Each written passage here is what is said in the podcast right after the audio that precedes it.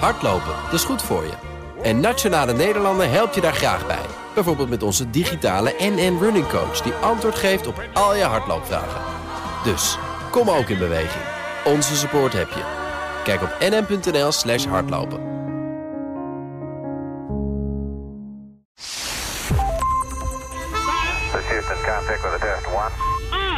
Touchdown confirmed.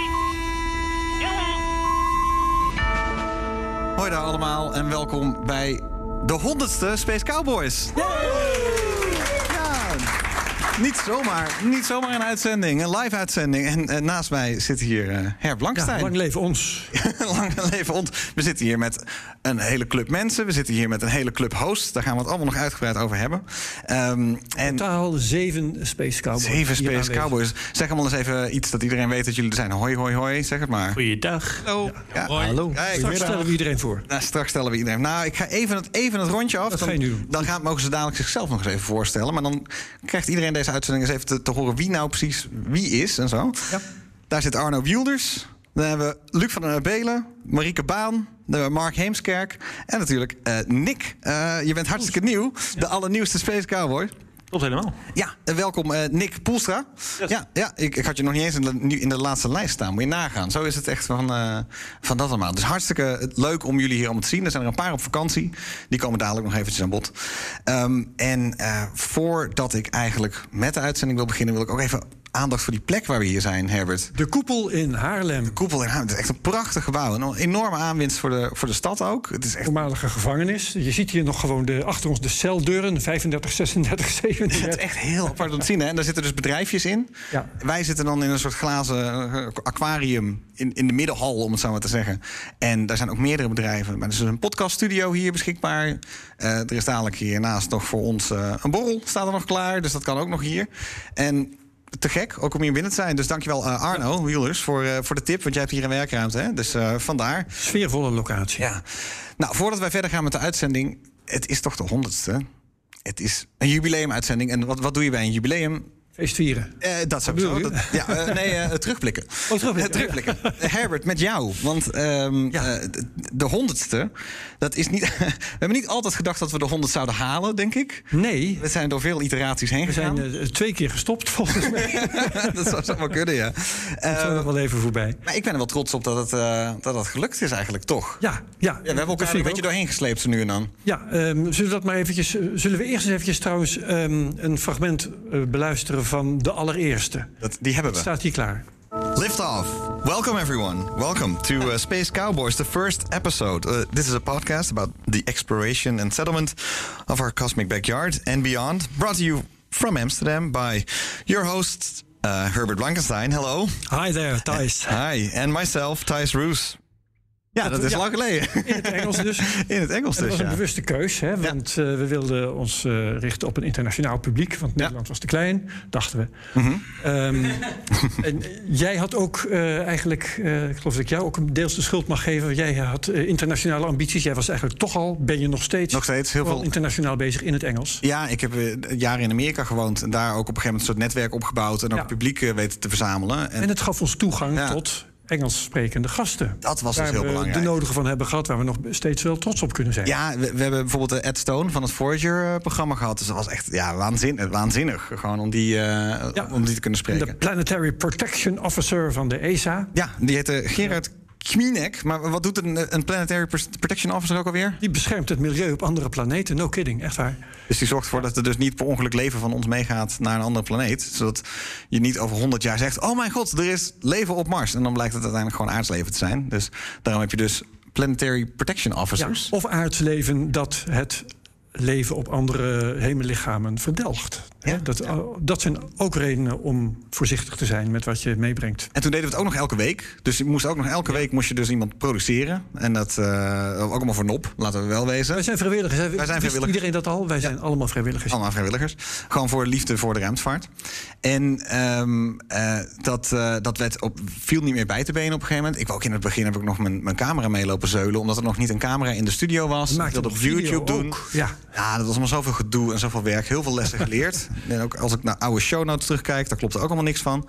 En dus begon ik met zeggen, ik trek het niet meer. ja, en het was ook zo dat we zo nu en dan wel op Twitter wel eens kregen... Van, ja, stel Nederlanders in een, in een, in een kamer die eh, eh, met z'n allen Engels spreken... dat was ook eh, cringy, voor lekker of a better word. Wel. Sorry? Ja, dat was het ook soms Dat wel. was het soms ook wel, ja. Zeker als inderdaad het, het, het, het, Engels gewoon niet toereikend was of zo. Ja, dan zit je gewoon niet naar een goede En jij bent een halve Amerikaan. Nou ja, ja ge- geworden. Ik, ja, ik, ik vind mijn Engels soms best wel aardig. Maar ik heb toen gemerkt dat het ook bij, op momenten best tegenvalt. Als je gewoon in de flow van een gesprek Zeker. zit. Ook weer zo'n Engels woord, maar goed. ja, Eh, om dan op alle momenten voortdurend het juiste Engelse woord paraat te hebben. zeker. En naarmate de jaren verstreken, verstreken en ik ook gewoon hier eh, zat... was ook wel interessant dat bij het produceren van eigenlijk al die, eh, van al die gasten... kwamen we er langzaam achter dat er ook toch iets meer podcasts waren in het Engels... dan we van tevoren hadden gedacht. Niet veel, toch echt... we waren ook nog net een beetje voor de grote podcast-hype... of misschien zo'n beetje zo Ja. toen die kwam begon te komen. Ehm, en toen realiseerden we ons langzaam... maar in Nederland is er eigenlijk helemaal niks. Ja, maar Niks. ehm, ik stopte dus eerst. En Thijs Ja. zou wel even alleen doorgaan. Dat was, ja, ik, de intentie was van, nou oké, dan ga ik het wel proberen in mijn eentje te, te tillen. Ja. Nou, dat, ja, ik ben sowieso iemand die veel te veel eh, hooi op zijn vork neemt de hele tijd. Dus Ja. dan, dat lukte gewoon totaal niet. En bovendien, Herbert, je hebt gewoon ook echt de, je hebt een beetje, je hebt gewoon input nodig. Je hebt een sparringpartner nodig. Het is leuk om het met iemand anders te doen, of met in dit geval met nog veel meer mensen te doen.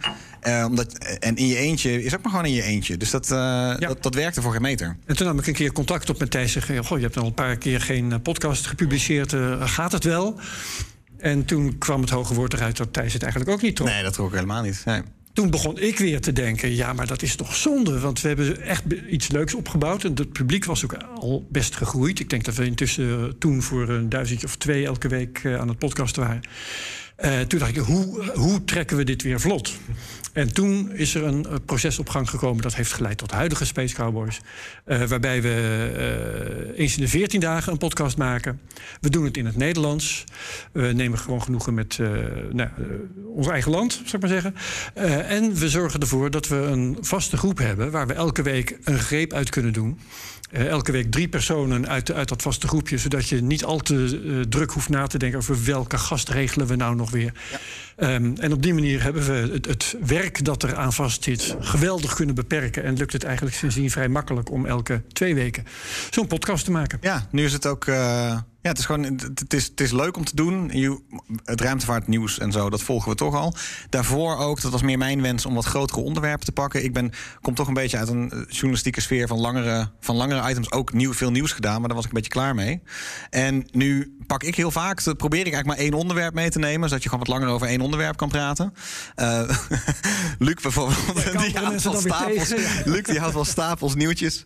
Eh, maar we zijn ook wat meer naar nieuws overgeschakeld. Om gewoon het nieuws van de afgelopen twee weken eh, door te nemen. En er is gewoon hartstikke veel. Dus het, dat, dat, en dan kom je ook vanzelf raak je aan de grote onderwerpen.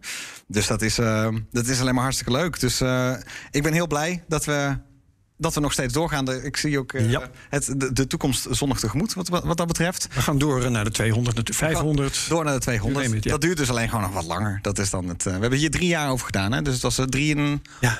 half, drieënhalf jaar geleden zijn we begonnen. Ja, want eh, eens in de 14 dagen, ja, dan heb je toch echt vier jaar nodig voor 100 afleveringen. Ja. Ja, Dus het is tot over vier jaar, mensen. Oh, dat, dat zijn jullie allemaal hartelijk welkom. Ehm, maar toen kwamen we er dus op een gegeven moment hebben we het dus op een andere manier gedaan. Toen zijn er allemaal mensen bijgekomen. En ik weet niet meer precies in welke volgorde.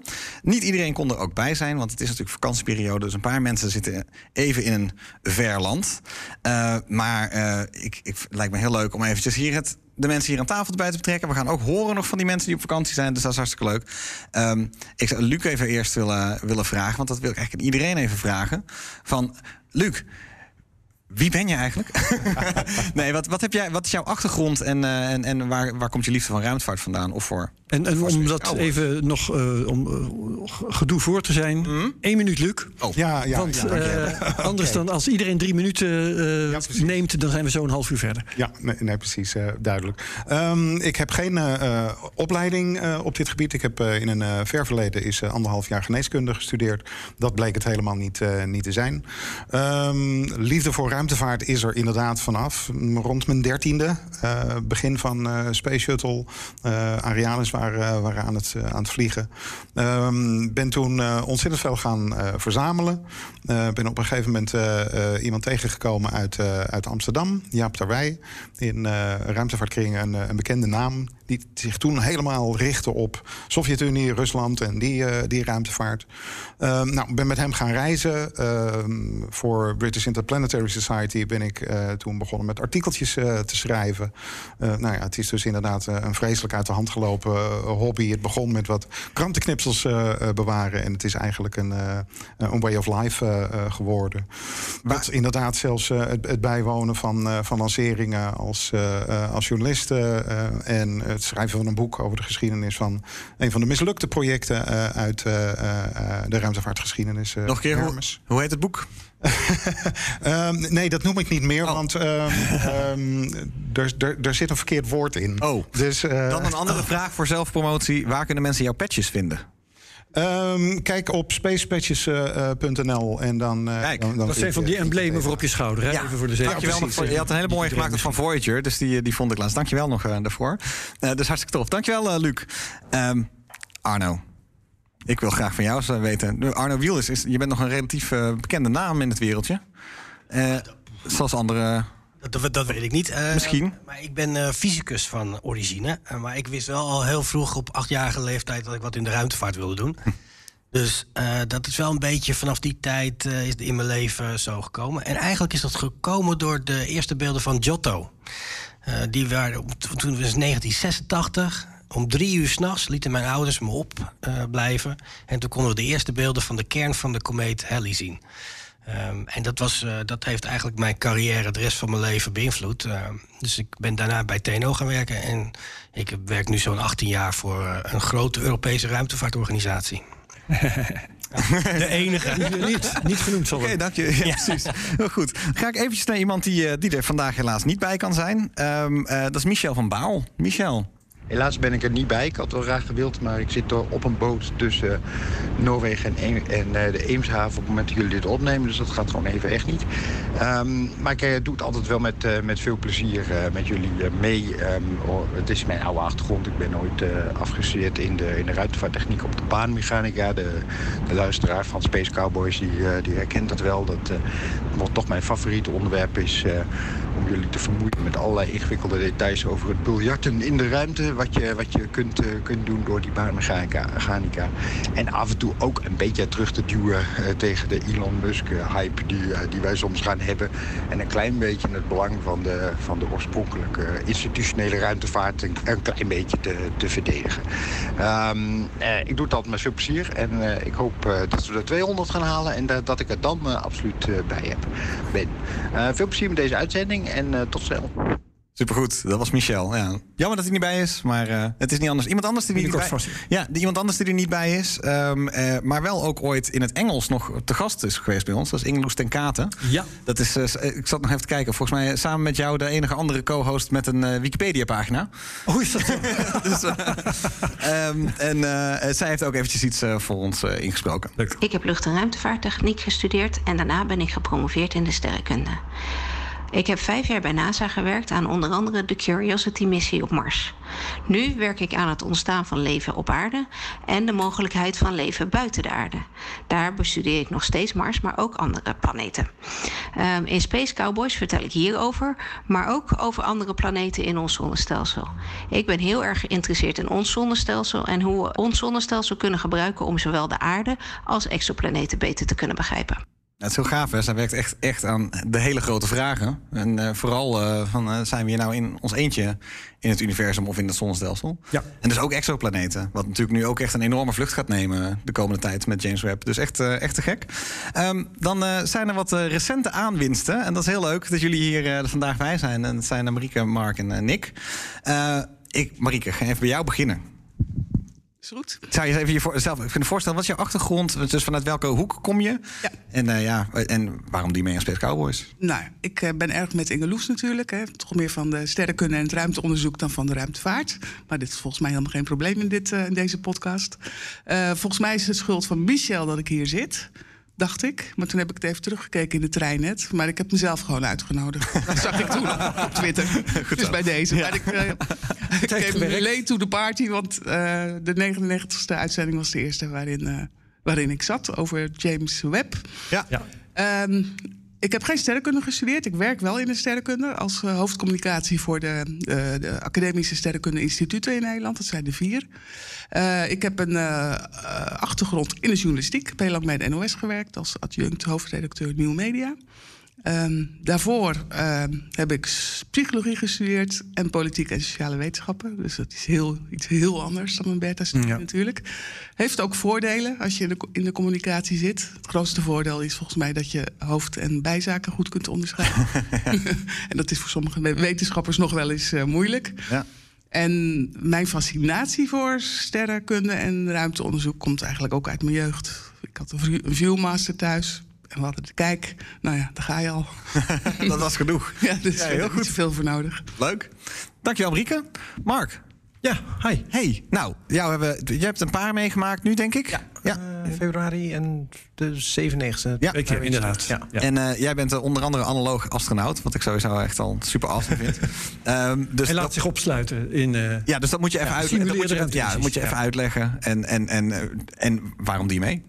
Uh, nou ja, mijn, mijn achtergrond is eigenlijk uh, in de aardwetenschappen. Dus uh, ja, ik, ik, wilde eigenlijk altijd... Exogeoloog was het, hè? Ja, meestal noem ik mezelf exogeoloog... als ik mezelf zeg maar in, in één woord moet omschrijven. En dat, ja, dat komt echt van een, nou, zoals wel meer hier denk ik... een beetje een, een, levenslange fascinatie al met de ruimtevaart. En toen wilde ik gewoon iets met planeten gaan studeren. En dat, dat, dat kon niet echt, in ieder geval niet zoveel in Nederland... Toen dacht ik, nou, als ik planeten wil bestuderen, waarom niet beginnen met degene die het dichtst bij ligt, dus uh, de aarde. En zodoende ben ik uh, eigenlijk met aardwetenschappen begonnen.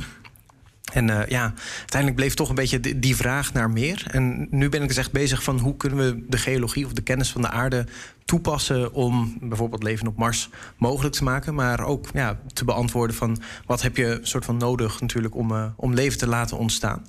Um, en minuutjes wel om nu. Oh, oh is het minuut al om? Oh, jammer. Daar kan je echt wel heel lang over door blijven praten. Toch even de grenzen stellen. Ja, ik, ik heb altijd ook een beetje een soort hart voor exoplaneten. Of in ieder geval inderdaad gewoon werelden van buiten. Ik denk dat daar mijn fascinatie ook heel ver vandaan komt. Dus, ja. um, en we hebben het laatst over het analoog astronaut zijn. Maar dat is dus dat je eigenlijk hier op aarde net doet. Ja, alsof je op de maan of op Mars of op een andere planeet zeg maar bent. En dat is echt om te, ja, te leren hoe het zou zijn om te overleven op Mars. Uh, welke dingen gaan er mis voordat ze op Mars misgaan, zeg maar. En uh, het een jaar duurt voordat je hulp hebt, zeg maar. Zoek je nog vrijwilligers? Niet dat ik meteen mezelf al aan... aan, aan uh, nou, misschien wel. Dus binnenkort zit ik weer in IJsland. Dan gaan we weer een onderzoekscampagne doen in, in een lavatube ja. voor, voor een maand. Ja. Nou, even via Twitter, dan kunnen we je wel vinden. Ja. ja. hey, dan gaan we naar onze nieuwste, nieuwste aanwinst. Nick Poelstra. Yes, dankjewel. Hey, uh, welkom. Dankjewel. Uh, uh, superleuk om hier te zijn. Ja, en jij hebt... Um, wat had je gestudeerd? Je hebt het straks gesteld. Kan je... Ja, nee, het, uh, ik, ik, kom eigenlijk van, vanuit de luchtvaart. En daar werd altijd gezegd, ja, de sky is the limit. Was ik het niet mee eens. Dus ik heb inderdaad uh, een stap hoger opgezocht uh, richting ruimtevaart. Dus ik ben via de, ja, de beroemde weet, Aerospace Engineering van TU Delft... de ruimtevaart ingegaan. daar... Uh, onder andere via Airbus Defence Space, uh, weet het, Hyperion, wat tegenwoordig ANC Clyde Space is. Oh ja, die zijn die van naam veranderd. Ja. Oh ja. En uh, het, nu tegenwoordig uh, werkende bij CGI. En, eigenlijk een grote IT-consultant, maar met een grote ruimtevaartafdeling. En daar ben ik onder andere design-architect voor een, een groot element binnen de Galileo, Galileo grondstations. En ook coördinator, mede, medeoprichter en trainer van, de, van onze eigen Space Academy. Aha, nou, super gaaf om jullie bij te hebben. Ook. Ja, nou. En uh, zijn, zijn, wij zijn niet de enige Nederlandse ruimtevaartpodcast. Hè? Ik zit even, want Marieke, jij hebt laatst eens een keer iets gemaakt. Klopt. Uh, wij, zijn, wij hebben uh, de, de, geschiedenis van Anton Pannenkoek onderzocht. Anton Pannenkoek is een astronoom uit het begin van de vorige eeuw. Uh, maar hij was vooral bekend als radencommunist. Van Portugal tot in Hongarije liepen mensen met de borden van Lenin en met de borden van Stalin. Of van Pannenkoek, sorry. ja, serieus? Ja. ja. En hij is ooit de sterrenkunde uitgestapt omdat hij het saai werk vond. S'nachts elke keer die fotografische glasplaten vergelijken en zo. Uh, toen is hij het communisme ingegaan, is hij daar les in gaan geven. Een stuk leuk. Toch weer teruggekomen naar uh, Leiden. En uh, daar wilden ze hem directeur maken. Maar dat is door het parlement, door de regering afgekeurd. Want een communist in een rijksgefinancierde universiteit... dat Dat kon echt niet. dat kon echt niet. En toen is die, eh, hij kreeg hij in Amsterdam het aanbod om daar op de universiteit die van de gemeente is, eh, eh, een eh, instituut op te richten. Daar kon het toen wel. Ja, en in die podcast volgen we zijn leven, maar ook de sterrenkunde toen, 100 jaar geleden. De sterrenkunde nu aan de hand van interviews met eh, eh, huidige sterrenkundigen. Ja. Vijf delen. En voordat wij begonnen met de Space Cowboys was er ook Erik Laan. Die kende Ja, ik ook ja, ja. absoluut nog van de, ja, van de, van de voor. Die was ook journalist. Die natuurlijk Govert Schilling is een bekende naam in Nederland. Die gaat trouwens ook beginnen met zijn eigen podcast op BNR. Eh, die loopt al volgens Die loopt al, die is net begonnen, hè? toch? Ja, die, die loopt die, loopt dan, die, gaat, die heeft dus een iets Terug meer naar de als- oerknal. Terug naar de oerknal. En, eh, Heel succesvol trouwens. ja? Goed zo. Ja, ja. Goed zo. En, ehm, eh, maar we hebben ook Erik Laan in ons eh, team zitten. En dat is de laatste nog eventjes die van afstand eh, nog eventjes hooi zegt. Hi Space Cowboys, hier Erik Laan, een van de co-hosts van de Space Cowboys podcast. Ik ben er helaas niet bij vandaag, ik zit in Luxemburg. Maar natuurlijk iedereen gefeliciteerd met deze honderdste uitzending van de Space Cowboys podcast. Ja, ik vind de Space Cowboys podcast een hele waardevolle toevoeging aan het, aan het medialandschap. Dat je echt even een vol uur kunt praten in de diepte over eh, in de, de wereld van de ruimtevaart. En dat die aan het versnellen is. Ja, geeft heel veel eh, inhoud eh, om een uur lang over te praten. Soms zou ik wel eens denken, we kunnen elke week wel een podcast doen. Misschien komt dat er nooit nog eens van. Maar goed, vandaag de honderdste. Heel veel succes met de uitzending. Nou, dat zijn leuke woorden. Dankjewel, Erik. Wat Ja. ik daarover zou willen zeggen trouwens, want het is ons wel eens vaker gevraagd: eh, waarom maken jullie er nou niet wekelijks één? En qua nieuwsaanbod eh, zou dat helemaal geen probleem zijn. Eh, nou ja, ik heb het net al uitgelegd. toen we het wekelijks deden, toen trokken we het niet. Eh, en dat heeft er veel mee te maken dat het allemaal vrijwillig moet. Eh, als wij daar eh, vorstelijk voor werden betaald, dan lieten we er wel ander werk voor lopen of iets dergelijks. Dan hebben we een sponsor nodig. Ik dat spreek het maar even uit. ja, nou, dat, daar wilde ik naartoe. Ja. En we hebben het in Space Cowboys wel vaker gezegd. Als iemand een sponsor weet, dan houden wij ons aanbevolen. En dit is een mooie gelegenheid om dat nog een keer te zeggen. Weet iemand een sponsor? Niet speciaal hier in de zaal, maar ook onder de luisteraars. De 4000 luisteraars die wij ergens vermoeden. Achter hun PC's en, en, en hun, eh, hun eh, oorknopjes en zo. Ja. Eh, laat het ons weten. 4000 Stuur die mensen. sponsor op ons af. Want met wat meer geld kunnen wij best wel wekelijks een, een podcast maken. Zeker met dit team. Dat zou kunnen. Dus dat zou goed kunnen. Ja, zeker. Zeker met een groter team. Dankjewel voor deze korte sponsor onderbreking. Dan gaan we, nu, ding, ding, ding, gaan we nu naar het nieuws. Want we gaan toch een klein beetje nog even ook een reguliere uitzending erin proppen. Eh, dus we gaan bespreken, bespreken eventjes eh, het komende blok... wat er nou de afgelopen tijd is gebeurd. Het zijn een paar grote onderwerpen. Ehm, en dan later in deze uitzending hebben we nog wat ruimte voor vragen uit het publiek... en over, praten over de toekomst van de ruimtevaart. Dus hartstikke leuk. Eerst maar eens even eigenlijk toch het, het grootste nieuws van de afgelopen twee weken... Even kijken wanneer het ook daadwerkelijk gebeurt. Is dat de Russen gaan stoppen met, eh, met het ISS. Dus die trekken zich terug. Ehm, en Althans, dat hebben ze gezegd. Dat hebben ze gezegd. En dan is meteen de vraag hoe dan, waar dan, wat dan. En ze hebben ook gezegd dat ze een eigen ruimtevaartstation dan ervoor in de plaats willen gaan maken. Geloof er niks van. Dan kijk ik naar Luc. Luc, eh, de details. Wat, eh, wat hebben zij gezegd en, en hoe vaart gaat het lopen? Ehm, niet zo'n ontzettende vaart. Het was trouwens niet voor het eerst dat ze net eh, zeiden. Meneer uh, Rogozin, de voormalige directeur van, uh, van Roscosmos, zeg maar de Russische NASA, had daar al vaker mee gedreigd. er is een kerstverse opvolger van die man gekomen, meneer Borisov. Um, en die heeft dus gezegd dat na 2024 Rusland zich zal terugtrekken uit het internationaal ruimtestation. Um, op welke manier dat gaat gebeuren is nog helemaal de vraag. Of dat fysiek het verwijderen van het Russische deel van het station uh, wordt, dat valt nog te bezien. Dat is ook geen simpele uh, operatie om, uh, om te doen. Um, en hij heeft uh, in ieder geval de woorden wat uh, genuanceerd. Hij is onlangs bij Poetin op bezoek geweest. En daarin heeft hij gezegd van... wij willen ons inderdaad na 2024 gaan terugtrekken... maar pas als wij ons volgende eigen nieuwe ruimtestation hebben gebouwd. Um, dat zou dan een, um, een, station worden wat, eigenlijk een beetje lijkt op de Mir... uit de Sovjet-Unie en de, de, Russische tijd, begonnen in 1986... Um, en weer bestaan uit diverse modules die apart gelanceerd worden en in een baan om de aarde aan elkaar worden gekoppeld. Het probleem is alleen dat er slechts één module in aanbouw is op dit ogenblik. Eind van het jaar moet de Duma eigenlijk het hele plan goedkeuren om over te gaan tot het bouwen van ROS, zoals het ding moet gaan, gaan heten. Um, nou, er zijn heel veel, zowel hobbyisten als serieuze analisten die daar ernstige twijfels bij hebben bij de haalbaarheid van. Ja, want ze waren toch ook gewoon bezig met de Chinezen eh, tot een samenwerking te komen. Dat was toch hun uitweg uit het IS. Daar, nou, er, er was een, een- in ieder geval een overeenkomst om samen met, eh, met China een maanbasis te gaan ontwikkelen. En dan hoef je niet gelijk te denken aan op de maan rondwandelende astronauten, maar misschien gewoon het bouwen van telescopen en andere observatoria eh, daar. Ehm, wat be- betreft de bemenste ruimtevaart kan je je ernstig afvragen of de Chinezen de Russen nog nodig hebben. Ja. Eh, ze zijn eh, deze weken inderdaad bezig eh, hun, ruimte, hun ruimtestation enorm uit te breiden. Dat gaat allemaal vlekkeloos en in veel hoger tempo dan de Russen of de Amerikanen zelfs voor elkaar. Hoe heet die ook alweer? dat is Tiangong. Ehm, er is een nieuwe module Wentian aan toegevoegd. Het ding is gelanceerd. Twaalf uur later zat die module eraan. Eh, een paar uur later waren ze al eh, eh, aan boord. Afgelopen dagen hebben ze een nog kleiner robotarmpje... wat op die module zit, getest. Nou, het, het wordt een, een, een, een complex wat overigens eind van het jaar voltooid moet zijn... met de toevoeging van nog eens zo'n module. Het wordt een complex wat heel erg veel aan kan... en in ieder geval de komende tien jaar eh, ehm, in bedrijf zal, zal blijven. En ja, daar hebben de Chinezen de Russen dus echt niet, niet voor nodig. Hebben Dus, de, eh, hebben de Russen eigenlijk sinds meer... zijn die nog flink doorontwikkeld op een of andere manier? Want een aantal nee. jaren geleden las ik ook stukken over... hoe het hele Russische ruimtevaartprogramma eigenlijk totaal op zijn gat lag.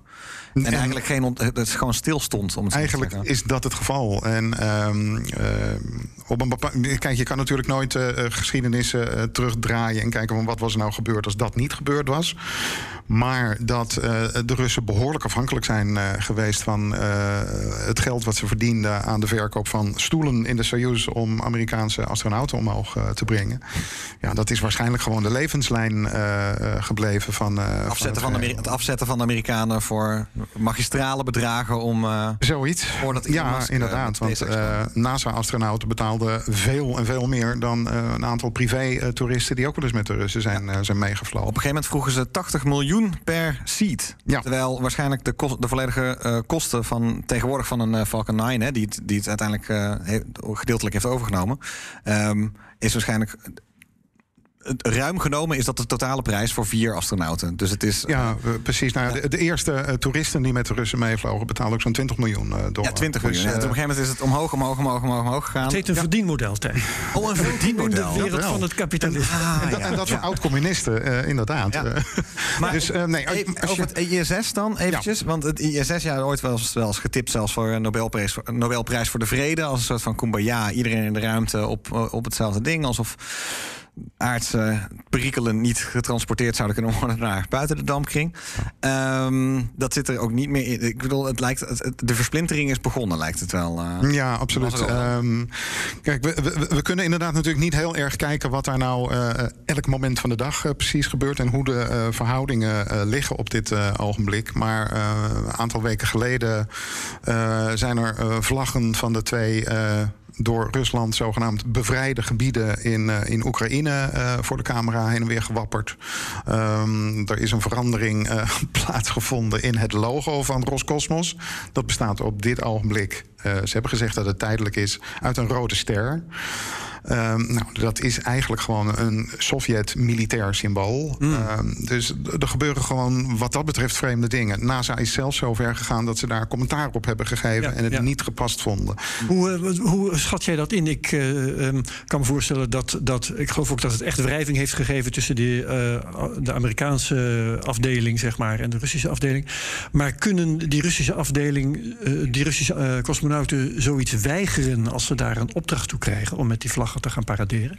Eh, natuurlijk kan je het altijd weigeren. De vraag is, wat gebeurt op het moment dat je terugkeert? Ehm, misschien word je dan wel gewoon naar het front in eh, Oekraïne gestuurd. Dat zou maar, zou maar kunnen.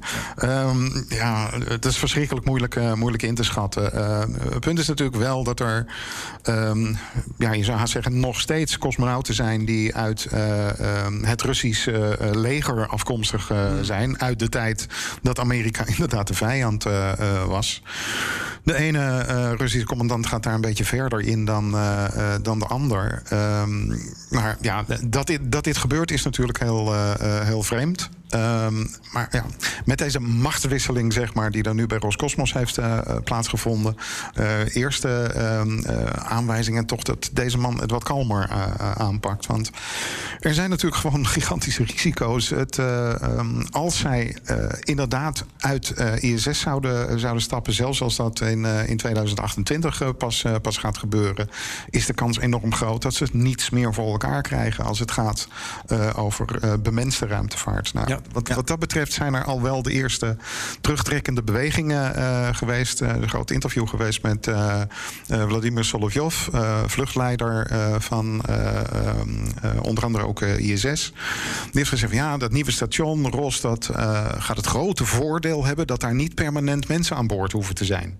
Oh, maar dan Ehm, is er- is er zo'n spook, zo'n spookstation dat dan. Precies, dit, maar- dit, dit ja. wordt een, een, een, een, een station. En de redenering is van ja, het komt in een polaire baan. Dat betekent dat je meer door straling heen vliegt. Dus kunnen mensen niet zo lang eh, eh, aan boord zijn. Eh, dus is dit alleen maar veel beter. Nou ja, goed. eh, ehm, de, de, de grote trots van Rusland was natuurlijk van wij hebben altijd onze Ja. cosmonauten in, de in de ruimte. Ja, dat tijdperk lijkt gewoon voorbij te zijn. Ja. Ja, ja. Nou, we zullen het zien met eh, de, de, de, eh, de geopolitiek. Daar is het uiteindelijk dan, hè, waar het neerkomt. Ehm, dan eh, even, gaan we eerst even naar een positievere. We komen zo meteen bij jou, Herbert, met, een, met ook een leuk, eh, een leuk nieuwtje over Bas Aldrin. Maar Entertainment. Eerst, eerst even James Webb. Dat is toch, daar hebben we het veel over gehad. We moeten het eventjes denk ik bij het meest recente houden. Want je ziet er nu en dan toch wel weer nieuwe foto's uitkomen. En ik heb zelf ook al een beetje zitten zoeken in die database. En Marieke, jij, had, jij had nog wat te vertellen. Wat heb jij gezien? Nou, wat ik vo- vooral gezien heb, is dat heel veel amateurs met die eh, open data nu eh, bezig zijn. Want eh, er is een website. hebben wij een, een Twitter-account waar we dat Ja, link even kunnen twitteren? show notes, show notes. Ja. Ja, komt in de show. Ja, oké. Komt goed. Eh, die zijn eh, al aan het stoeien met die, eh, met die data. En er komen best wel hele mooie dingen uit. Maar ook interessant is dat eh, die neerkamcamera... dat die al eh, bijna elke dag weer een nieuwe kandidaat... eh verse sterrenstelsel ooit vindt. Ze zitten nu al op Z. Z is, ik heb het even opgeschreven... Dus het heet het stoeien, hè? Van, Z van- is 20. En dat betekent? Nou, dat is heel ver. Thanks. ik, ik heb het voor Z is 16,7. Dat was de recordhouder van eergisteren, zeg maar. Klinkt ver weg. Eh, dat is ehm 235 miljoen jaar na de oerknal. Ja. Dus dat is echt heel kort. Dat is heel grappig. Dat- Ongelooflijk. er wordt zijn kandidaten, hè, dus dat moet nog bevestigd worden. Maar dit zijn alleen nog maar die open data die op 12 juli gepresenteerd zijn. Die, die first eh, early eh, observation eh, data.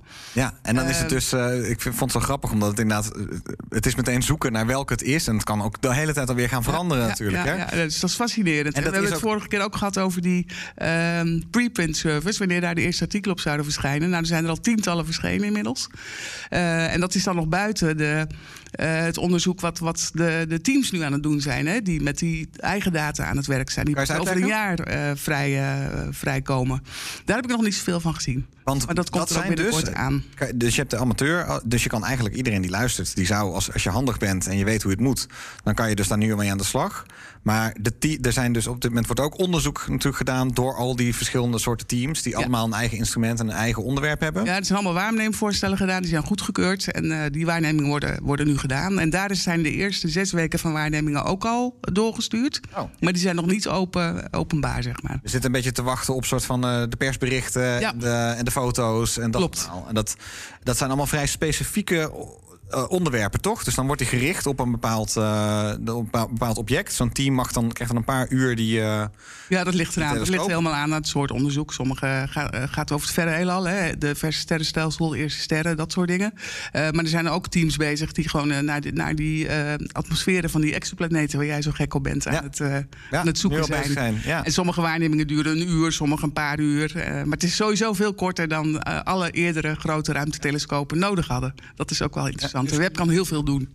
Hebben jullie al een beetje te kijken, jongens? Mark, eh, Nick? Het is, eh, het is bijna om te kwijlen af en toe. eh, hè? die mooie ja. foto's. Ja, het is echt waanzinnige dingen. Ik zag ook een hele gekke van Jupiter langskomen.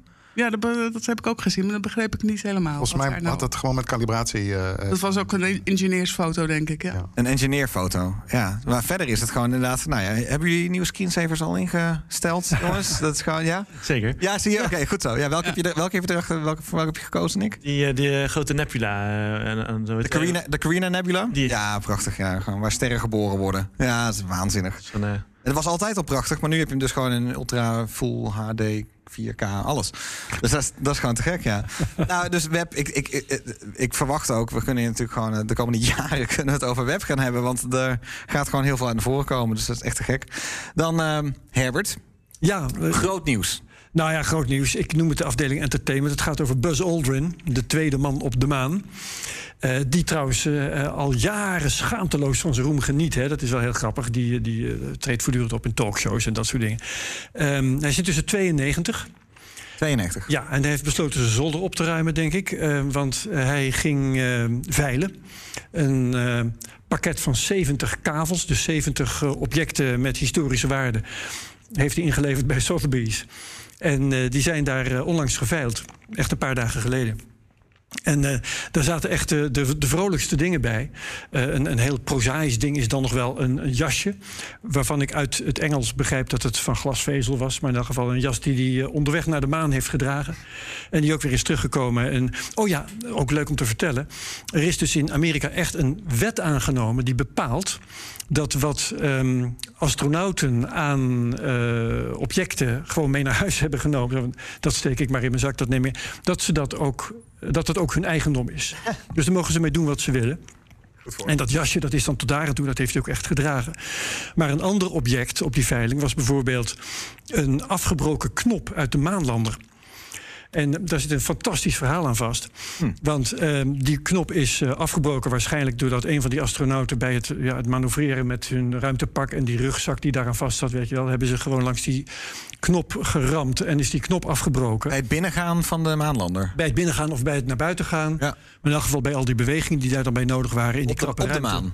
Op de maan is dat gebeurd. En dat was een vrij belangrijke knop. Dat was namelijk de knop die de motor zou inschakelen... die ze nodig hadden om terug te komen. dus dat, dat moest gerepareerd. En dat, eh, Aldrin schijnt dat zelf gedaan te hebben. Die heeft daar uiteindelijk een eh, pen voor gebruikt. Die heeft hij in dat eh, gat gestoken dat, dat daar open was. En is hij, heeft hij er, is hij erin geslaagd om die verbinding die de knop moest maken... te maken met die pen. En zo zijn ze alsnog teruggekeerd. Anders was dat niet gebeurd. Volgens mij was die pen trouwens ook te koop. Die was... Ja, nee, dat wou ik net gaan zeggen. Die pen maakte deel uit van datzelfde kavel. Dus de pen en de afgebroken knop die kon je kopen. Voor eh, de Alleen- 100 100.000 of zo. Ehm, de, de- het openingsbod moest zijn 500.000. Wow, wow, wow. Het streefbedrag was, ik weet niet meer precies, 1 of 2 miljoen. En het, eh, dit is het enige kavel dat niet is verkocht... omdat ze het streefbedrag niet hebben gehaald. Dus eh, dat werd door het, publiek blijkbaar toch ervaren als eh, niet eh, voldoende waardevol. Er is nog wel 6,5 ton geboden hoor. Maar daar nam dus Sotheby's, of misschien moet je zeggen Aldrin zelf, geen genoegen mee. Dus dat is mee naar huis gegaan. Maar een aantal andere dingen zijn wel ver- verkocht. Dat jasje bijvoorbeeld, dat ik noemde, is verkocht voor 2,2 miljoen dollar. En dan is er ook bijvoorbeeld nog een, ehm, vluchtplan geweest. Dat is dus meegeweest naar de maan en ook weer mee teruggekomen. Dat is verkocht. Even kijken hoor. Ehm, Ik heb, ik heb ook wel even een vraag. Dit is allemaal voor het goede doel? Of, eh? ik heb de indruk van niet, want ik heb een aantal berichten hierover gelezen. Het is voor het slechte doel. Het wordt Het is doel van Best. mij is het gewoon voor de, voor de familie Aldrin. Ja, dus nu voor. Edwin zelf. eh, die, zoals ik al zei, eh, hij eh, speelt graag de rol van beroemdheid. En daar goed waarschijnlijk ook een bepaald uitgavenpatroon bij. Ehm, maar dus, het vluchtplan is een half miljoen. ehm, een checklist die ook mee is geweest naar eh, 6,5 ton. Al met al heeft de veiling 8,2 miljoen dollar opgebracht. En eh, nou, daar kan eh, Edwin Aldrin zelf mooi weer mee spelen. Dat wordt Of, een heel eh, mooi het huis. gaat naar de erven. Naar de erven. Want hij is 92. Ja, Maar het- ik vond het echt een kostelijk verhaal. Omdat het mooie objecten, ja. maanlanding in herinnering roept. Ja. Maar ook natuurlijk alles wat daarna komt. eh, Dat eh, de astronauten die daar hebben rondgelopen... dat die absolute celebrities zijn geworden. Ja, hè? ja we, gaan eh, zo even, we gaan zo verder over de Hij maan. heeft zelfs nog een keer een rap gemaakt. Hè? Weet je dat eigenlijk? Wat heeft hij een rap gemaakt? Ja, ik had, Jij ook had toch trouwens? Ja, ik, ik de hele tijd van die dingen. Maar Aldrin heeft het één keer gedaan. Dat was veel slechter dan bij mij. die, die was veel slechter dan die jou. Dat is echt absoluut gênant. Wat- Ivo, start er maar in. De rap van Herbert. Oh, nee, oké. Nee, de, rap van Aldrin zou leuk zijn geweest, maar niet. heb ik Ja, niet. Misschien volgende Space Oké, die laten we nog een keer horen. maar goed, dat Eh, is ik wil even aan, het- aan, aan, de andere co-hosts vragen. Eh, ehm, eh, hebben jullie eh, goede Space Memorabilia thuis, waar je heel trots op bent? Ik, ik heb een stukje van eh shuttle-tegel. Arno, ja? Ja. Maar dat is wel ook wel een leuk verhaal. Dat had ik ooit een keer aan een journalist laten zien. En Dat was ik niet. Nee, dat was jij niet, eh, Herbert. Dat was iemand anders. Maar die zat koffie te drinken. En toen liet hij dat stukje in zijn koffiekopje vallen. dus ik denk dat ik nu de enige ter wereld ben... die een klein stukje van een shuttle-tegel heeft wat bruin is. dat neemt enorm goed koffie op. eh. Het is echt een uniek stuk. Als ik dat ooit op de veiling breng... dan gaat het echt ver over die bedragen heen van Aldrin. eh. Dus ja, Goeie. dat heb Mooi ik. verhaal. Ja, Ja. Niemand een stukje maan nog thuis? Helaas niet. Nee. Ja. Ja, een stukje eh, dat kan je ook vrij makkelijk kopen tegenwoordig, volgens mij. Eh, ja, hoewel daar ook een heel groot deel natuurlijk hartstikke nep van is. Ehm, maar dit, dit is dan niet een, een stukje maan dat daadwerkelijk meegenomen door eh, de Apollo-astronaut of door de Sovjet-Unie of zo. Maar dit is dan. Mark eh, Heemskerk, die spreekt nu. ja, klopt. Ehm, maar goed, ja, ik ben natuurlijk ge- geoloog. Dus dit is eh, eigenlijk eh, van een meteoriet die ooit op de maan is ingeslagen, stukjes maan heeft losgemaakt. En die vervolgens weer op de aarde zijn geland. En dan aan de hand van de chemische analyse kunnen ze zeggen: dit is daadwerkelijk een stukje maan. eh. Maar hoe vinden ze die stukjes? Dat vind ik al zo absurd. Ja, goed zoeken, denk ik. Ja, ik heb wel eens gehoord gewoon op, in Groenland en zo op het ijs. Dus dat je dan daar... Antarctica ook, hè? Antarctica. Ja, Antarctica veel. Ehm, ja, of op eh, hele soort van dode plek, zeg maar. Een hele droge plek. Ja, Antarctica is natuurlijk ook een grote woestijn. Dus eh, in, in Chili, eh, in de Atacama-woestijn, eh, vinden ze ook met regelmaat meteorieten. Oh ja? Ja, en eh, nou, tegenwoordig doen ze ook onderzoek om eh, juist misschien eh, van, van stadse daken eigenlijk meteorieten af te halen. Ja. ieder jaar wordt iedere vierkante anderhalve meter een keer getroffen door een meteoriet gemiddeld genomen.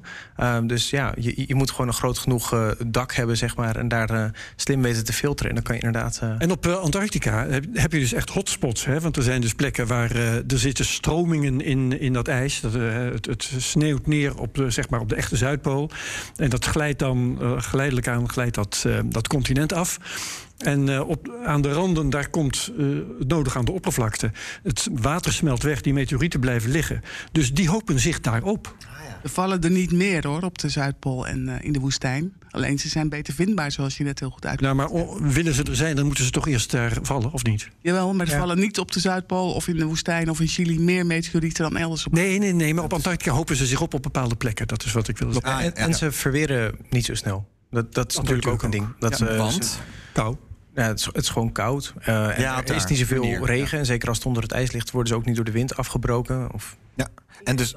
Inge heeft eh, drie maanden op eh, Antarctica. Inge Loes ten Kaat. Inge, Inge Loes ten Kaat, een van onze co-hosts, die heeft eh, drie maanden echt meteorieten gezocht. eh. Heel graag. Nou, dan gaan we er nog eens een keer goed over vragen. dat moet je een keer vragen, ja. Ja, leuk. Ja, Ja, ja. Ingeloes zit sowieso altijd vol prachtige verhalen. Ehm, dan, we bl- blijven even bij de maan. Want ehm, het, er komen nu ook nog twee persconferenties aan deze week over eh, Orion. Die gaat een rondje rond de maan eh, doen. Ehm, dat is allemaal nog test. En eigenlijk wat er nou exact gaat gebeuren, daar weten we dan eh, hopelijk vanavond en, en, en vrijdag meer over. Dus misschien al bij het live komen van deze uitzending. Dus hou het nieuws in de gaten. Er speelt van alles natuurlijk naar de maan. En ik wil echt tot, tot de rest van de uitzendingen hebben over gewoon de toekomst van de ruimtevaart. Want ik denk dat we allemaal wel onze eigen ideeën over hebben waar het heen gaat. En ook wat dan eigenlijk de scope is. Want we kunnen het over de komende 10 jaar hebben. Misschien ook wel gewoon over de komende 50 of 100 jaar. Omdat daar allerlei plannen voor worden gemaakt. Ehm, is die, is de, wordt de maan nou echt de springplank naar Mars? Of gaat misschien de shortcut gevonden worden? Dat eigenlijk direct eh, de maan eerst wordt overgeslagen. Ik ben, ben gewoon eigenlijk eerst benieuwd naar wat wordt nou de rol van de maan in, de komende, in het komende decennium. Wie wil daar eens even op eh, zijn licht over laten schijnen? Nou, Nick eerst en dan eh, Arno. Ja. Ja, ik, ik- ik denk dat de, dat de maan in ieder geval is een goed, goed oefen, oefenterrein eh, wordt. Maar weet je, we hadden, we hadden het net natuurlijk al even over, de, over Buzz Aldrin. En die heeft ook nog eens een, eh, zijn eigen ja, Mars Cycler eh, bedacht. Een, een, een- een soort, ja, eigen soort ISS. eh, die in een soort ja, eh, loop tussen de, Mar- tussen de aarde en de Mars eh, zit. En volgens mij, eh, als ik het goed begrijp, wil hij er drie tegelijkertijd hebben. eh, die in een soort eh, ja, elliptische baan tussen de aarde en de Mars heen en weer cirkelen. Tussen aarde en Mars? Ja. Niet de maan? Nee, volgens mij niet. Nee, oké. Eh, Ja, aarde, Mars en een elliptische Waarmee je dus eigenlijk zegt dat je de maan niet nodig hebt als springplank Nee, naar Mars. dus het is al, zal als eerste eh, gewoon als, als, als oefenbed zijn, maar daarna heet, gooi je dat erin en dan eh, vlieg je naar, naar het, het, het Mars ISS. En dan, eh, zag er ook steeds meer kritiek op komen, inderdaad. Van waarom gaan we eigenlijk naar de maan? Nu, eh, als, wa- waarom hebben we de maan eigenlijk nodig? Het is, Die is op zichzelf interessant. misschien. Argument is natuurlijk altijd... eh, je, je kan tot op bepaalde hoogte wat technieken eh, te- testen. En dat is zo aantrekkelijk omdat het zo dicht bij huis is. Als er wat fout gaat, ben je drie dagen later thuis. Ehm, eh, het meest kritieke kan je nou net weer niet op de maan eh, eh, simuleren. Namelijk de landing. Eh, landing is eh, nou, in een totaal ander zwaartekrachtsveld dan, eh, eh, ehm, dan op de maan. is twee keer zo sterk volgens mij. En je hebt te maken met een atmosfeer. Dus de dingen waar het nou precies om draait, kun je niet eh, eh, testen. En ja, verder, eh, wat, je, wat er dan overblijft, wat interessant is om te bekijken, heeft eigenlijk te maken met leefsystemen en dat soort zaken. Ja, daar hebben we al 30 jaar ervaring mee met, met diverse ruimtestations. Dus ik zie inderdaad ook niet heel erg de, de noodzaak of zelfs de logica om, om eerst eh, de maan ga- te, gaan, te gaan bevolken voor dat soort voorbereidingen. En Arno, wat was jouw visie hierop? Nou ja, als je naar Mars wil gaan, moet je naar Mars gaan. Zo simpel werkt het. Goed idee, ja.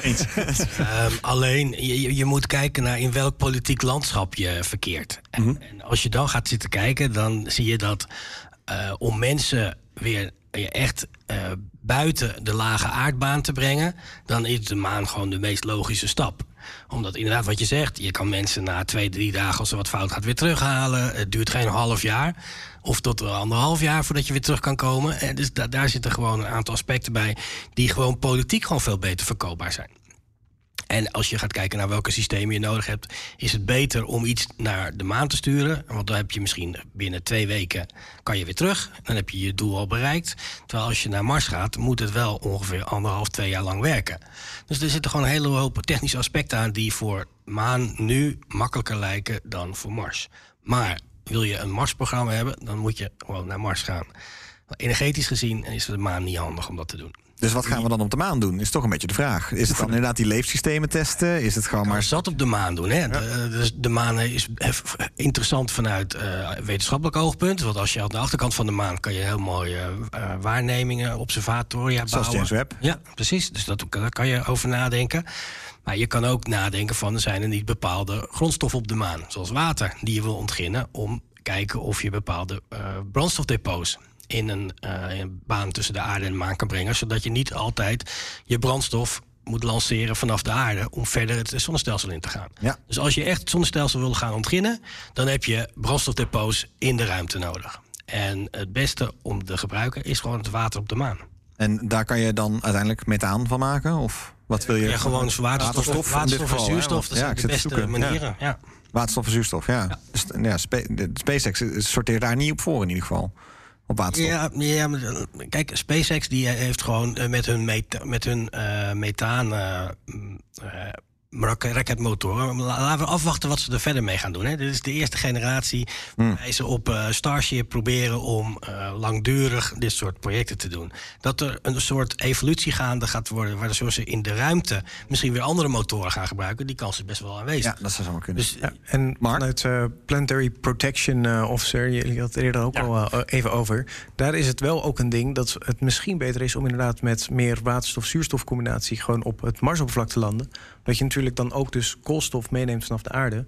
En een van de dingen die wij als, eh, als geochemici dan weer doen, is eh, bijvoorbeeld kijken naar de verhoudingen tussen de isotopen van eh, de stabiele koolstofisotopen, dus eh, C12, C13. En daaruit kunnen we bijvoorbeeld afleiden of er fotosynthese is geweest, waarbij een voorkeur is voor volgens mij C12, maar don't quote me on this. lichter. Ja, precies. Een van de twee koolstoffen die heeft daar een lichte voorkeur voor. En dat kan dus inderdaad onze waarnemingen op het Marsoppervlak misschien wel weer een beetje gaan eh, ja, verschuiven op het moment dat we daar heel veel aardse koolstof eh, gaan introduceren op het Marsoppervlak. Ja. Heel gaaf. Ja. Dan is ook nog een vraag uit het publiek. Die eh, ik graag. zou je even naar een microfoon kunnen toelopen? Want dat gaat ook hierover. Want het is natuurlijk een beetje een wedstrijd. Stel je even kort voor ook als je wilt.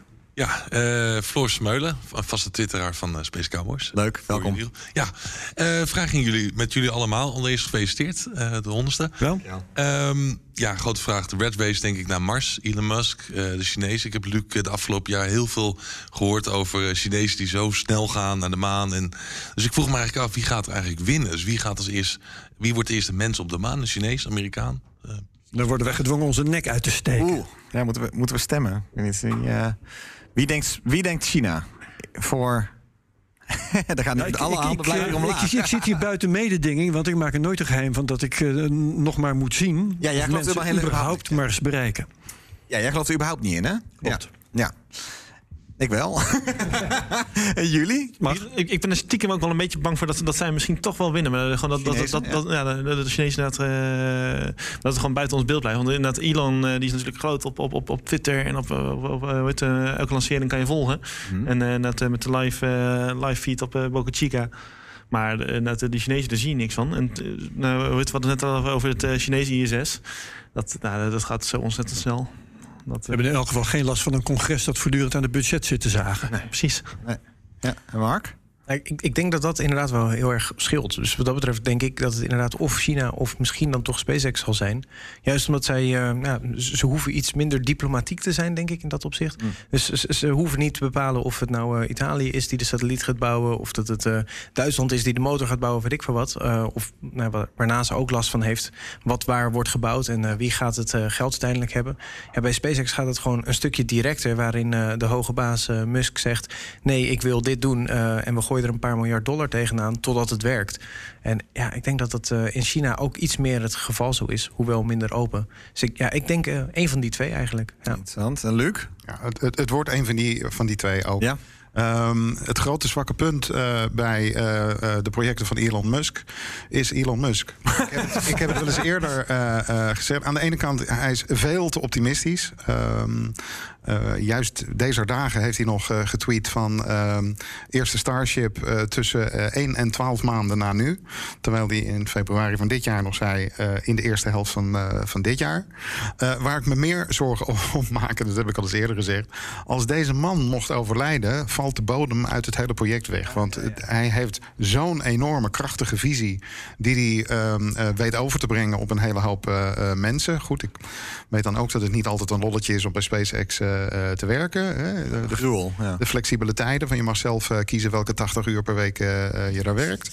Ehm, maar eh, die, de, de plus is een enorme drive. En eh, zijn eigen geld eh, wat hij erin investeert. Ehm, de drive bij eh, de Chinezen tot nu toe is doodgewoon propaganda.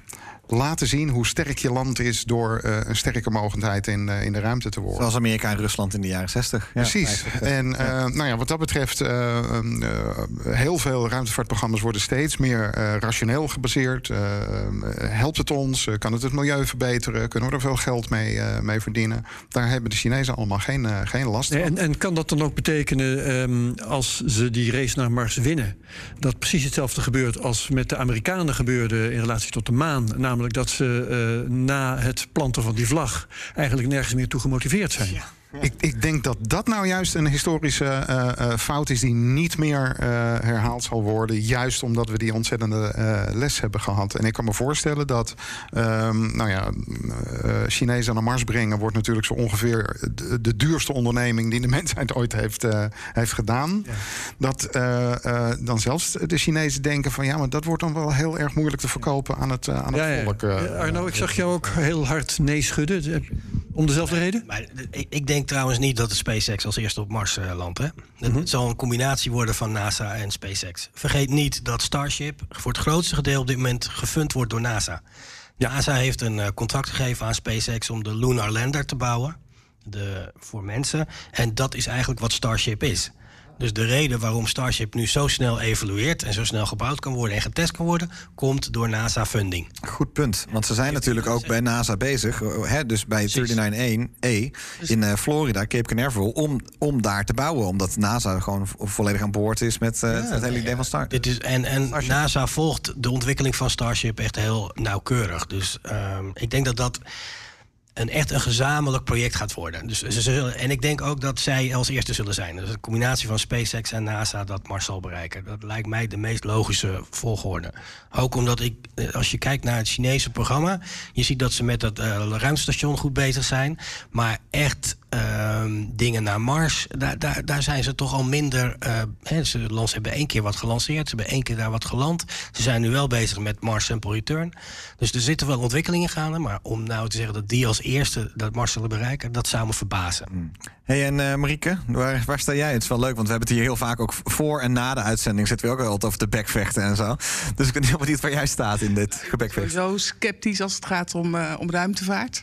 Eh, enerzijds vanwege wat jij ook zei. Bemande ruimtevaart bedoel je? Ja, of überhaupt Ja? de ruimtevaart. Bemande ruimtevaart. Ja, bemande ruimtevaart. Ja, nee, oké. Bemenst. Een beetje zonder. Ja, oké, bemenst. Whatever, ja. For all mankind moet eigenlijk ook for all humankind heten. hè? All humankind, ja. Eh, maar wat jij ook zegt, de motieven die zijn vrij duister soms. Hè? Ook zelfs bij NASA weet ik het nooit helemaal zeker. Plus, ja, eh, de meeste missies naar Mars zijn tot nu toe mislukt. En er waren helemaal geen mensen aan boord of zo. Ik bedoel, hè? Veel succes. Nee, is wel waar, ja. Stort er neer. eh, maar nogmaals, ik, het is niet mijn vak. hè. Niet de meeste, denk ik, maar een significante fractie. Ik zie Arno Volgens mij wel de meeste. Nee, nee, dat is niet waar. Dus Sorry. De laatste, de laatste, als je over de beginmissies hebt, heb je gelijk. Dan geef ik je helemaal gelijk. Maar de laatste twintig jaar is er geen enkele missie naar Mars, behalve dan Schiaparelli. Ja. Die is dus De, niet de gelukt. Polar Lander was volgens mij de eer- echte ja, laatste dat is, dat flinke is mislukking. precies. Maar, 90, eh, eh, Curiosity, eh, Perseverance, ehm, Ingenuity. Pathfinder, Ja. de op, Oppie en eh, die andere. Allemaal gelukt. Dus de, de succesrate van de laatste 20 jaar is beter dan van daarvoor. Moet Ja, maar ik had het over het gemiddelde. Ah, ja, ja, ja. Je zou, dan- je zou dan ook weer er tegenin kunnen brengen van als ze nou wel bemenst waren, waren ze misschien weer wel gelukt. Ja, dat is een beetje. Dat, Ja, is, dat is echt. eh, of koffiedik. Ja, koffiedik. maar dan waren ze Over- ook over- veel duurder geweest en waren er veel minder geweest. Dat is ook weer waar. Absoluut. Over bemenst gesproken, de, eh, het idee of het plan voor de eerste vrouw op de maan eh, ligt er ook- dan ook nog steeds. Hè? Dat is, in principe is dat eigenlijk de eerste, het soort van eerste wapenfeit dat dan op tafel ligt. Dat, dat zal de eerstkomende mens op de maan eh, eh, zijn. En eh, nou ja, niet om daar heel gek over te doen, maar waarschijnlijk zal het zelfs nog een zwarte vrouw eh, Oh, ja, ja. eh, zijn. Eh, er zijn al een, een paar namen die in het rond eh, eh, zingen bij NASA. Dus eh, En misschien ook een vrouw op, de, op Mars. Wie, wie zal het zeggen? Waarom niet? Hè? Dus dat, eh, dat, dat zou ook mooi zijn. Ehm, nog wel is de vraag op welke termijn. Mannen, komen van Mars, vrouwen gaan er naartoe. Hey. schrijf het boek, zou ik zeggen. Ja. dat is een goeie. ja. Eh, De, de vraag is wat, eh, het- wat- Moeten wij dan eventjes vragen van wanneer dan? Want dat is. eh, die, die vraag kwam ook nog van jou, hè? Het publiek. Van wanneer, wanneer staat het nou? Je had net iets andere vraag. De, ehm, er is daar nog ruimte voor één vraag uit het publiek. Is ook nog wel leuk. Ja, Ja, als iemand, een vraag iemand een vraag? Ja, Daar is even een microfoon. Even, kom even naar de microfoon toe. Geef hem even een microfoon. Hi, ik ben Bertus. Eh, gefeliciteerd. Dag Bertus, dankjewel. Ehm, eh, de toekomst van de ruimtevaart is er hier besproken. Ehm, en dan hebben we het over competitie bijvoorbeeld. Hè? eh, SpaceX, Mars, eh, nee, China en dergelijke. Ehm, ik ben benieuwd naar de human- humanitaire kant van eh, ruimtevaart. Van, ik zie ruimtevaart altijd als iets ideologisch. Gisteren heb ik een documentaire gezien, dat heet Falling from the Sky. 2009 gemaakt, gaat over brokstukken die in Xiong neervallen. Dat is iets anti-humanistisch. en Russische raketten zonder dodemansknoppen, bijvoorbeeld, van die gewoon eh, neer, neerstorten. Maar ik zie altijd de hoop van. Dat is een heel, heel, een heel mooi iets, de ruimtevaart. Maar ik ben benieuwd van waar gaat het heen in de toekomst? Ja, de, de vraag is een beetje van op een gegeven moment ehm, vallen er doden. dus stel dat al deze plannen doorgaan. En eh, als het allemaal goed gaat, gaat het goed. Maar zodra er echt doden beginnen te vallen, ja, het kan natuurlijk ervoor zorgen dat mensen dan nog sterker denken: oké, we gaan het wel doen. Maar het kan natuurlijk ook dat politiek de hele. ehm, eh, ja, iedereen de billen bij elkaar knijpt en dat het weer jarenlang wordt uitgesteld en dat het van uitstel ook weer afstel komt. De grote vraag is volgens mij, als je het over humanitair hebt, kijk, willen mensen überhaupt daar wel zijn? Waar, willen er eigenlijk wel mensen in de ruimte zijn? Want je, Marieke, jij zei het ook al van, je, je, je stelt je grote vragen bij bemenste ruimtevaart. Maar ja, sturen we dan tot in lengte vandaag alleen maar robots? Eh, gewoon een soort, Lijkt mij heel verstandig. met een VR-set vanuit, vanuit aarde en dan blijven wij altijd hier? Lijkt mij heel verstandig, maar ik denk dat Arno daar heel anders over denkt. en, en niet alleen Arno. Ja. Je, je- je had natuurlijk eh, Mars. is eh, ja, Nick Woelstra. Yes, hi. Eh, weet je, ja, we hadden natuurlijk eh, het nu inmiddels ten dode opgeschreven eh, Mars One. Eh, en volgens mij hadden, hadden die bijna 200 vrijwillige eh, inschrijvingen voor, voor de, de one-way ticket to Mars. Dus die, die, die wisten gewoon van tevoren dat Weet je er dat nog? Veel meer, we hadden er veel meer. Of er veel meer zelfs nog. eh, Hoeveel, hoeveel hadden jullie er uiteindelijk? We hadden er 200.000. Ah, 200.000. Kijk, kijk, Een paar te weinig. En de eerste selectie, dat waren er 100. Ja, we, we zijn op een gegeven moment naar 100 geëindigd. Ja, dat was het laatste stukje wat we gedaan hadden. Ja, dus er is echt wel animo voor. Er is absoluut animo voor. En, en eh, je komt natuurlijk, als je die 200.000 gaat bekijken, dan zie je dat daar mensen tussen zitten waar je van denkt van, nou, die moet je niet sturen. Nee, die moet je gewoon niet doen. Maar er zitten er een hele hoop bij. Die mensen zijn goed opgeleid. eh, die weten echt wel waar ze het over hebben. En dat die mensen ehm, iets gaan meemaken waarbij ze het leven waarschijnlijk verliezen, ja, ja, duidelijk. Die kans is aanwezig. Die kans is heel groot aanwezig. Maar dat heeft, als je de geschiedenis terugkijkt, heeft de mensen dat nooit laten weerhouden om bijvoorbeeld de Mount Everest te beklimmen. Of vandaag de Oost te zijn. Precies, precies. Ja. Dus Dat, ik zie dat niet als een belemmerende factor. Dat vind ik wel heel leuk. Ik, ik ben- heb ooit eh, ben meegevaren op een eh, schip. Dat was een replica van de. Dat heb je overleefd. Van de, half, ja, van de, van de halve maan. Die eh, voer dan de Hudson op, zo helemaal naar, naar Noord-New York. En ehm, die man die deed het al twintig jaar. En ik was met hem aan het praten over ruimtevaart tegenover de ontdekkingsreizen toen. En die man, dat was heel leuk, die zei altijd: die zei van. Oh, maar destijds was het veel gevaarlijker. Ja, het was ja. veel gevaarlijker. Is ook eh, zo. nu sta je constant in contact natuurlijk met eh ah, mijn hele teams allemaal terug uit en zo. Dus die, die, die, die vond eigenlijk van ja, tegenwoordig is het relatief veilig geworden. Dus waar klaagt iedereen eigenlijk over? Want 400 jaar geleden toen was het pas echt gevaarlijk. En kwam met scheurbuik, met drie mensen kwamen nog aan, kusten nog Zeker, net de grond. maar en het is een feit dat uh, du moment dat er, dat er doden gevallen, daar, want daar begonnen we over, dan heeft dat in de huidige tijd een PR-effect dat bijna niet te overleven valt. Nee, dat is waar het gaat. Ja, bij de Space Shuttle was, zag je dat natuurlijk ook. Dat Ja. het gestopt dat- werd voor jaren. Een enorm. Wacht even, de eerste eh, Space Shuttle die verloren we in eh 86. Hè? En dat heeft het Space-programma niet gestopt. Nee. Nee, niet gestopt, maar wel een tijd tegengehouden. Dat klopt, dat klopt. En toen heeft de, de- de- het volgende ongeluk toch uiteindelijk wel. Ja, maar toen, ten tijde, ten tijde van het tweede ongeluk, eh, waren er al stemmen in eh, NASA opgegaan om te zeggen van de shuttle, mm, waarom moeten, we we dat wel, moeten we dat wel langdurig eh, volhouden. Ja. Dus toen is er al gesproken over wat, wat komt er hierna. Dus natuurlijk gaat het een enorme impact hebben op het moment dat we de eerste astronaut verliezen als die in, in de ruimte is. Hè. Dat gaat een enorme impact geven. Maar de vraag of dat gelijk ook het bemenste programma stopt, Ja. dat lijkt me heel klein. Inmiddels niet meer. En ik, nou ja, wat dat betreft, eh, Elon Musk is eh, eh, genie slash vreemde vogel. Maar ik, ik, ik kan de, de, de aan, zijn belangrijkste aandrift helemaal onderschrijven. Het, ehm, het, het menselijk bewustzijn is zo waardevol dat we eh, dat niet kunnen eh, laten afhangen van de aanwezigheid van maar één planeet. Eh, ook als we vanaf morgen heel erg zuinig met, met die blauwe knikker omgaan, wat we eigenlijk zouden moeten doen. Op een dag is hij of te vol of uitgeput. Voor die tijd moeten we een, een tweede huis hebben om elders verder te kunnen. Voor mij is, de, is die stap veel kleiner dan die gekke vis die miljoenen jaren geleden helemaal uitgerust op onderwater eh, eh, eh, leven en zich voortplanten, het strand opkroop om te kijken hoe het daar was. Maar hier ben ik het ook mee oneens. om, om reden van het feit dat eh, het ons waarschijnlijk niet zal lukken, dat beweer ik dan meteen maar eventjes, eh, om de aarde zo ongastvrij te krijgen als eh, Mars en eigenlijk trouwens alle hemellichamen die we kennen op dit moment al ruimschoots zijn. Nou, lees, lees eh, On the Beach van Neville Shute eh, eh, maar eens een keer. Ja, maar volgens mij moet dat helemaal niet, de, dat moet niet de, de reden zijn waarom we naar een andere planeet gaan, in mijn ogen. Nee, dat ook. Hè, de reden ik- waarom dat we naar Mars gaan en eens. waarom we naar de maan gaan, is omdat we gewoon meer willen weten hoe het daar is. Ja. En Ja. ik vind dat op het moment dat je daar een, eh, een nederzetting kan bouwen op Mars en op de maan, dan krijg je een ontwikkeling van de mensheid die compleet anders is dan hier op aarde. En alleen al die inzichten die die mensen zullen hebben ten opzichte van wat wij hier doen, dat is al heel veel waard. is al een mens. eh, eh, En ik, volgende ik zie het altijd vanuit het Ja. humanistische. Ik vond het een hele mooie vraag voor jou. Eh, Vanuit het humanistische oogpunt denk ik dat het belangrijk is dat we het zonnestelsel gewoon compleet gaan bekijken hoe we daar kunnen wonen. En ook, de, het zonnestelsel zit vol met eh, eh, grondstoffen. Hè? We hoeven niet de aarde compleet leeg te halen om eh, aan onze grondstoffen te komen. Ja. En daar kunnen we nog een keertje later op terugkomen. Zeker, want we moeten naar een afronding toe. Ik, ik wil wel we, eventjes... eh, Zijn het er wel mee eens dat er de komende 10, 20 jaar heel veel te gebeuren staat? En heel veel is om naar uit te kijken. Zeker. Dat het, wordt, wel. het, wordt, het wordt rete spannend eh, eh, aan alle kanten. Als je inderdaad ook ziet, werd, werd er net voor de uitzending al even genoemd...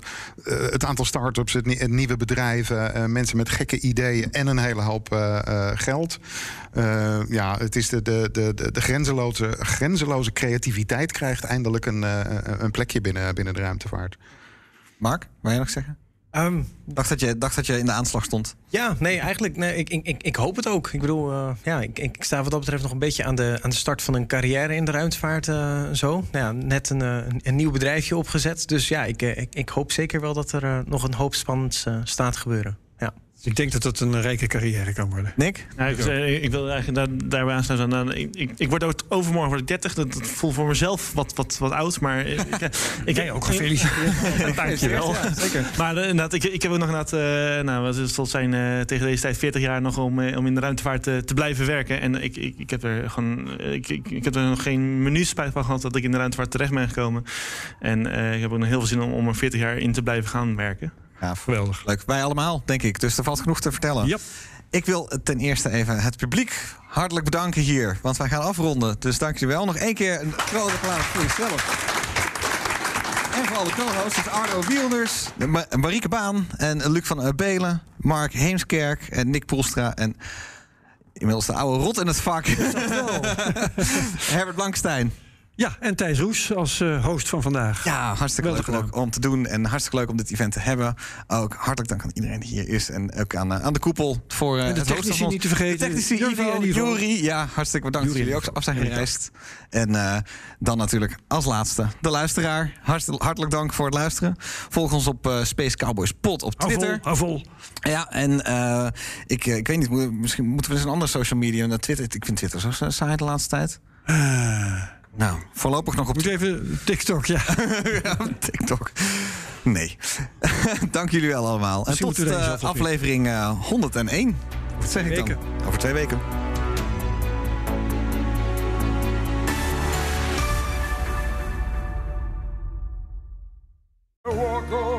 Hardlopen, dat is goed voor je. En Nationale Nederlanden helpt je daar graag bij. Bijvoorbeeld met onze digitale NN Running Coach... die antwoord geeft op al je hardloopvragen. Dus, kom ook in beweging. Onze support heb je. Kijk op nn.nl slash hardlopen.